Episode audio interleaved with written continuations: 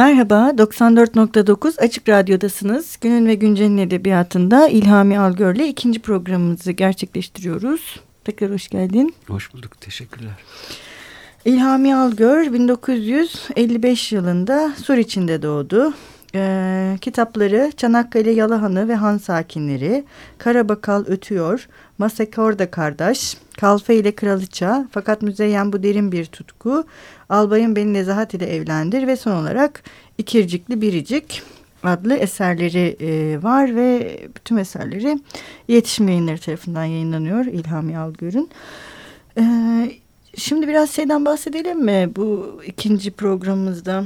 Şimdi kitapların birbirleriyle ilişkileri var. Fakat Müzeyyen bu derin bir tutkunun figüran kahramanı Albayım Beni Nezahat'le Evlendir'e evet. geçiyor. Hı hı. Sonra Albayım Nezahat Beni Nezahat'le Evlendir'deki bir hikaye sonra Kalfa ile Kralıçanın e, hikayesi oluyor. Onu unuttum mesela. Onu gerçekten unuttum. Oradan oraya nasıl Hı -hı. zıplıyor onu bilmiyorum. E, kendi aralarında konuşuyorlar burada. Ha.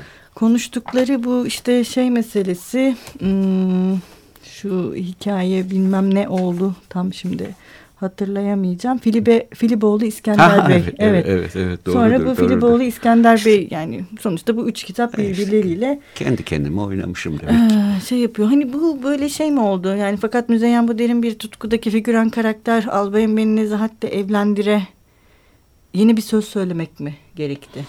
Şunu hatırlıyorum şeyi Müzeyyen'den sonra ee, albayım beni Nezahat ile evlendirdeki şeyi hatırlıyorum o zaman. Çünkü e, iki, bunlar birbirini tamamlayan kitaplar. Hı hı. Müzeyyen e, parantezi açıyor, Nezahat hı hı. parantezi kapatıyor. kapatıyor. E, ama mesela ikinci kitap olan Nezahat birinci kitap olan Müzeyyen'de anlatılanların hepsinin yalan olduğunu söylemeye evet. çalışan, olayın aslında öyle olmadığını Hı-hı. söylemeye çalışan bir kitap.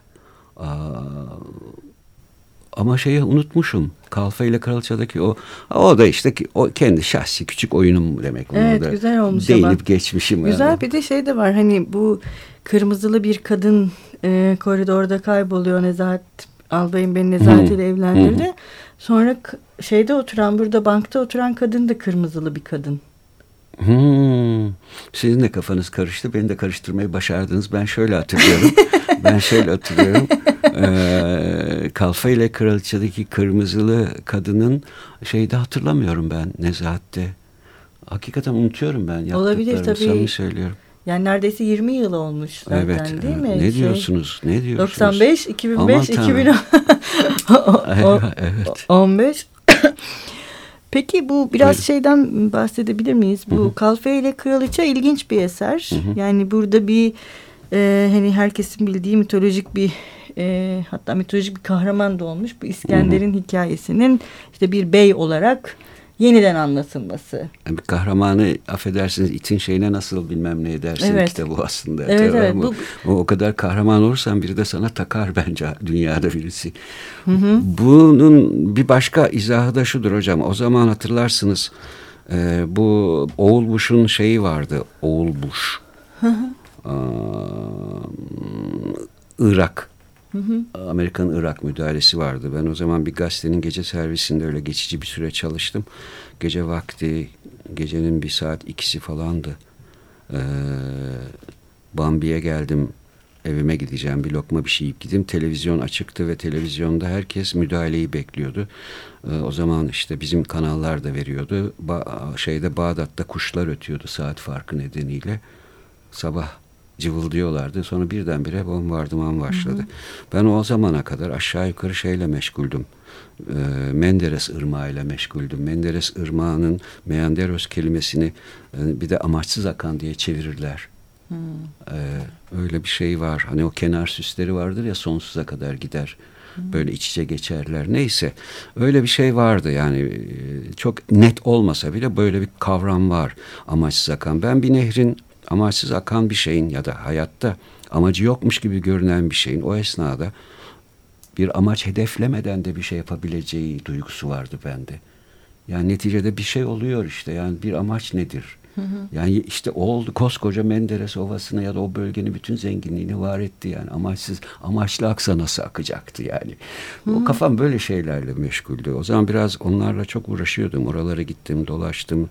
Biraz bir şeyler. Birdenbire bu şeyle e, Amerika'nın-Irak meselesiyle birlikte bir başkan e, kendi toprağı olmayan başka bir yeri işgal eden bir kuvvetin orada tutunmasıyla alakalı. Bu kadar net olmasa bile şimdi aradan yıllar geçince cümle kurunca böyle her şeyi çok planlamışım gibi oldu. Ben oradan şeye girdim, İskender'e girdim. Biraz benzettim. Çünkü de o da biliyorsunuz neticede gidiyor, gidiyor, gidiyor. Gidemediği yere geliyor yani o Hint ormanlarında bir oradan ötesi yok yani. Evet. Ben bir şeye cevap verdim mi? Tabii tabii. Zaten bir de şey yapıyor. Bir yerde hep dalıyor. Onu o kuyuya düşüyor. O dalıyor evet. kuyudan onu çıkarmaları gerekiyor. Annesinden hem, bahset falan diyorlar. Evet yani. o hem reel olarak zaten onun bir kilitlendiği dönem var herhalde yüksek bir şeyin hani denet hiç kimsenin denetleyemediği, denetlenemez ve denetlenemezliğine de alışkın birisi midir? Nasılsa artık Onunla herhalde orada ondan yüzleşiyor. Bitti. Yol bitti orada. Hı hı. Ona kalsa gidecek. Ama e, kimse ona bir dakika ya ne yapıyorsun diyemiyor. Diyenlerin hep başına iş geliyor yani. Hepsi zamanla şekil şekillerde ölüyorlar. Düşünebiliyor musunuz? Evet. Biraz eleştiren herkesin hayatı kararıyor. Ama işte orada hani onun arkoda karşılığı var da yeri değil. Hı, evet. Şimdi biraz şeyden bahsedelim. İkircikli biricik daha önce de konuştuk. Hı. Yani ikircikli biricik diğerlerine oranla sen de söylemiştin daha sakin bir e eser. Ben, ben yaşlandım ve sakinleştim. Benim katılırım bazı şey yükse, müzeyende ve şeyde ne, nezahatte dil enerjisi yüksektir. Hı hı. Ee, daha böyle tekrar geriye dönüp bu adam ne diyor diye takip etme hı hı. şeyini talep edebilir okuyucudan. Yani kolay değil. Hı hı. Ee, ama tabii ki artık e, ben başka biri oldum neticede yani. Yarın da belki başka biri oldum. Bu benim şahsiz olduğum anlamına da gelebilir mi bilmiyorum. İkircikli bir için ruhu başka, benim ruhum başkaydı yani. O sebepten herhalde o daha sakindir. Sakin bir de şey sakin olmasının sebebi sadece sözle ilgili bir şey değil de dilin yerini eylemin alması hani daha böyle eylem ve kurgunun öne çıktığı bir eser olarak ortaya çıkmış. O ama... biraz daha bu çocuk bu mesleği öğrenmeye başlıyor veya kalem eline oturmaya başlıyor. Eskiler öyle der. Kalem kalem eline oturmaya başlıyor derlerdi. Biraz ufak ufak ister istemez öyle oluyor galiba zamanla. Bir de kelimelerin işte yine ilk bölümde de konuşmuştuk. İkircikli biricikte kelimelerin kendisinin hem kendi anlamlarını taşıması hem de kendi anlamlarının dışında bir anlamı ifade etmeye, dönüşmeye doğru ben, bir Burada gidiş. ben sizi dinlemek isterim. Bu çünkü benim kurabileceğim bir cümle değil. Ben çok bilinçli yapmam, sezgisel yaparım ama eşek gibi de çalışırım mühendis ya da matematik Hı -hı. olarak. E, yani şey gibi düşünmüştüm ben biz işte programdan önce de konuştuğumuzda hani e, çok Vüsat Bener özellikle ve Bilge Karasu'yla akraba bir yazar olduğunuzu e, düşünmüştüm ben ve galiba şöyle bir şey oluyor. Anlatmanın kendisi anlatamamaya dönüşmeye meyyal olduğunda e, dil bütün açmazları yok etmeye çalışıyor. Ve yazar da o açmazları açmaya çalışıyor. Hani o yüzden de bu çıt çıt sesleri hmm. hani burada bizzat kelimenin çok anlamlılığına mı dönüştü? Çünkü Bilge Karasu'da da bu çok var ya. Müsat Bener'de de var. Yani ve ikisi de şeyden yola çıkıyorlar. Hani ben yani o kadar otobiyografi ve anlatı birbiri içine geçiyor ki kahramanda şeye dönüşüyor. Yani bizzat yazarın yazma eylemiyle otobiyografik olarak kahramanın birleştiği noktada kendisini bir anahtara dönüştürmesi gibi düşündüm ben. Ben onu ilhamice şöyle anladım. Kabul ederim. Hani o lanet laf var ya hani çerçi yükünü satar ya da kendi hokkana kendine kalem gibi batırırsın meselesi. Ama neticede kabul ederim ama eğer sonuçta ortaya çıkan şey şu anlatı denilen hı hı. E, formu nasıl izah ediyorsa izahı neyse anlatı nedir? Hı hı. Ne otobiyografik bir şey otobiyografik olmaktan nasıl hı, ne hı. zaman çıkar otobiyografik evet. gibi yola çıkmış olsa bile hı hı. ne zaman oradan çıkar da bir e, anlatı tanımlarına uygun bir yere Hı hı. Bunu izah edemem. Bunun formülü, hı hı. yöntemini bilemem ama onu hissedersiniz. Yani kimse istemez ki ben kendimi yazayım ben. İnsan kendini kendinden şüphesiz beslenir ya da yaşamışsın dünyanın şeyini hı hı. yaşamışsın hepsi sende birikmiş. Bir, e, bu laf yarım kalabilir mi? Tabii tabii Teşekkür kalabilir. ederim. Ee, yine bir müzik arası verelim. Verelim. Ne çalalım? Müzeyyen Sener dinleyelim hocam lütfen. Tamam ne dinleyelim? Oradan ne gelirse kabul ediyorum. Peki sürpriz olsun bugün.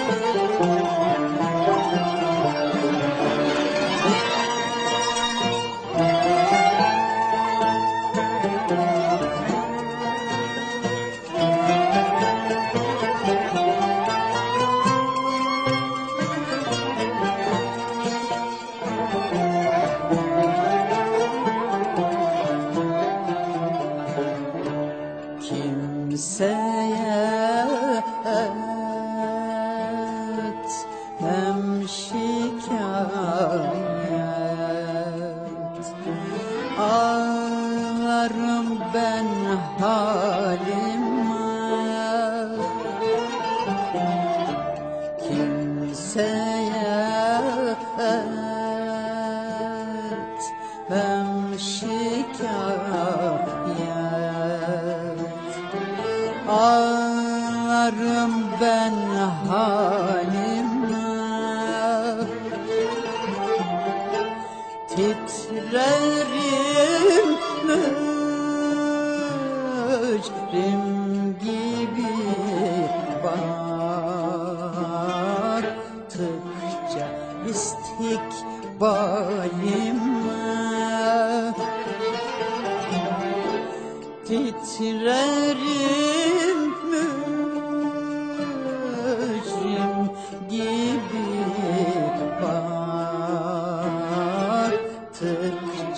istikbalim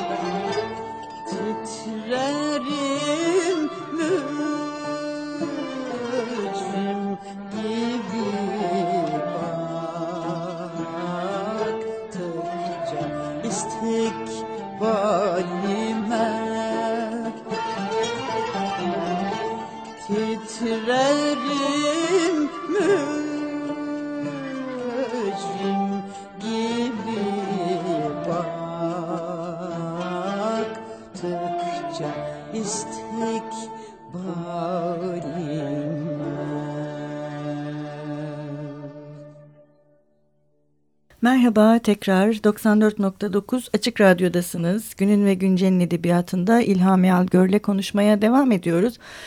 Ee, şimdi ilk programda biraz bu eslerden bahsetmiştik. Galiba bende de bir takıntı halinde bu kapı ve çıt dil meselesi. Acaba anlatamamayı yazmakla da bir sorun bir şey olabilir mi? Hani anlatmak değil anlatamamak. Yani sessizliği yazmak gibi. Ben başka bir şey düşündüm. Hı hı anlatamamak dediğinizde benim aklıma başka bir şey geldi. O da şudur.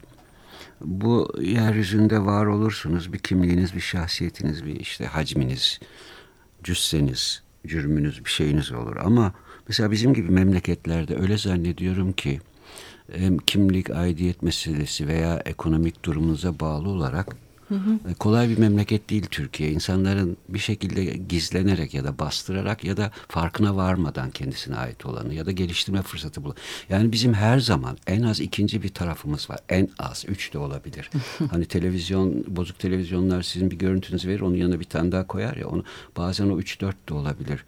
Ee, aslında anlatıyor gibi göründüğünüz zaman anlatamadığınız başka ya da anlatmak istemediniz ya da yeri gelmediği için girmeyen ya da o anda o çalışmaya ama o arkada derin bir yeraltı nehri gibi durur yani bir ya da o şey gibi durur büyük göl su toprağın altında bir hacim olarak durur. Onlar sizi hem huzursuz eder hı hı. hem besler.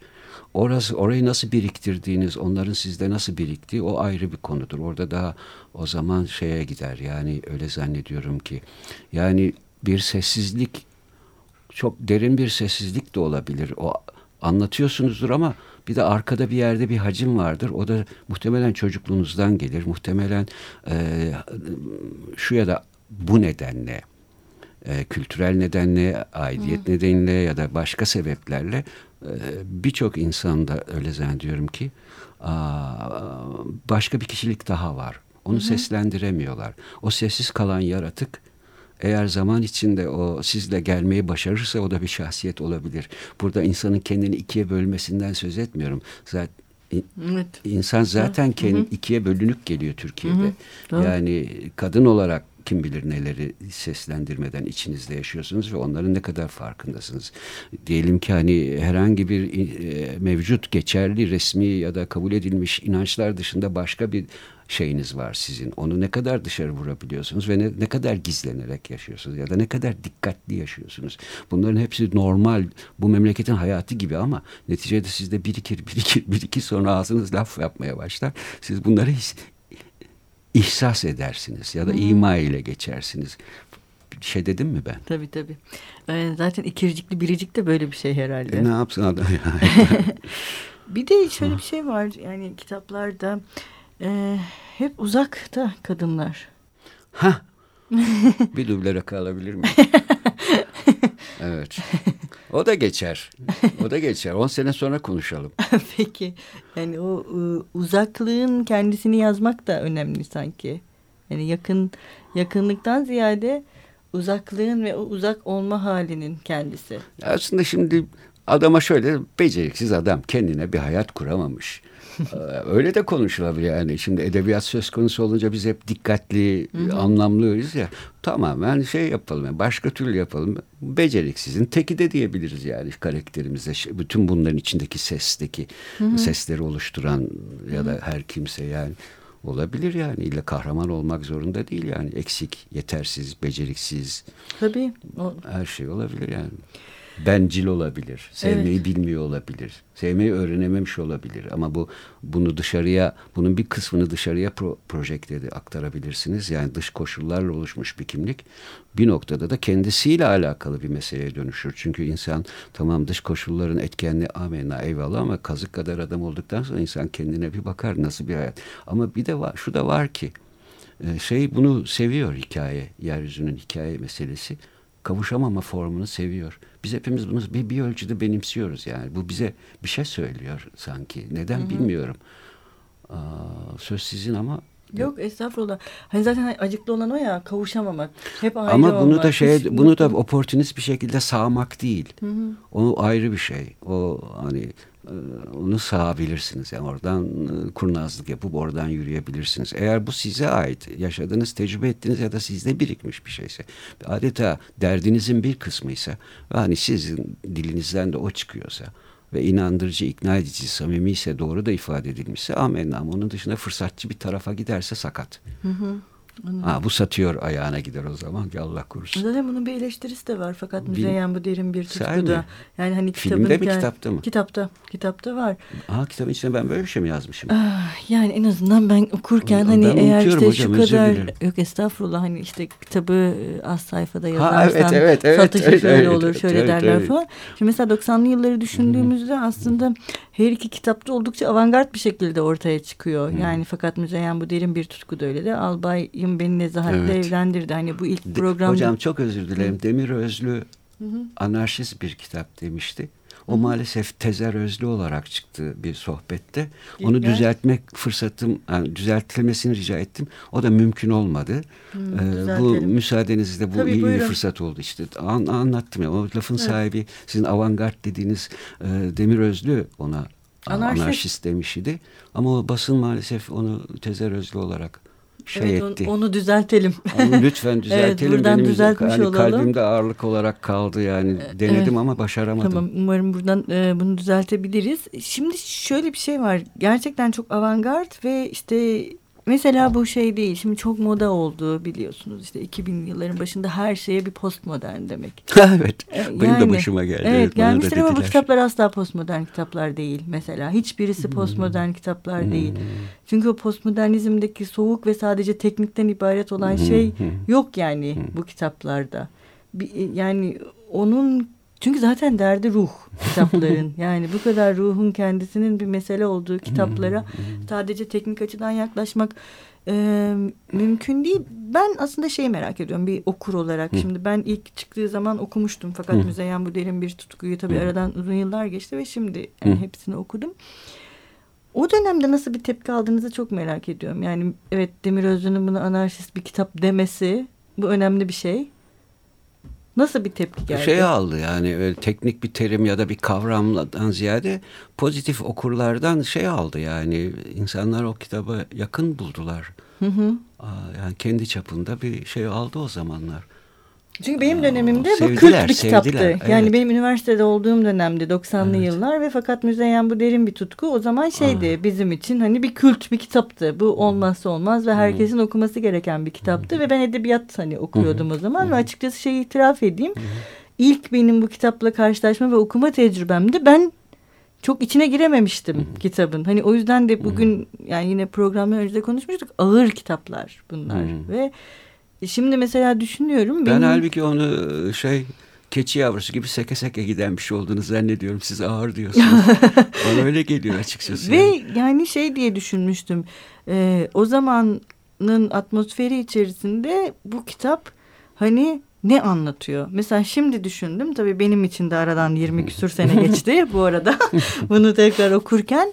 Ve şey diye düşündüm zaten bir şey anlatmak zorunda değil. Hmm. Kitabın derdi de bu. Hmm. Hani ama onu o zaman anlayamamışım hmm. ve gerçekten düşünüyorum hani hmm. o dönemde aldığı tepkiler yani ben özür dilerim çok e, yani kitapları okurken şey yapamadım. Yani dönem içerisinde nasıl algılandı ve okunduğuna dair bir araştırma yapamadım. Vakit, vakit Ama bu önemli. Şey. Yani mesela bu kitabın nasıl algılandığı meselesi e, yani bir eleştirinin de nereye geldiği açısından önemli bir şey söylüyor. Bir eleştiri bence. hatırlamıyorum ama bana yansıdığı kadarıyla bir şey vardı yani bir az ve öz ama sağlam bir sempati şeyi Hı -hı. oluşturmuştu ama bir kritik yazıldığını ben hatırlamıyorum hocam. Ya, yani biz işte okur olarak -hı. ve öğrenciler -hı. olarak hani bu bir kült kitaptı Hı -hı. ama hani -hı. eleştiri şeyine tabii o zaman ben de Yok, çok şey yapamamıştım. Düşünsenize adamın biri çıkmış bir tane ortaya bir kitap atmış 50 küsür sayfalık bilmem ne.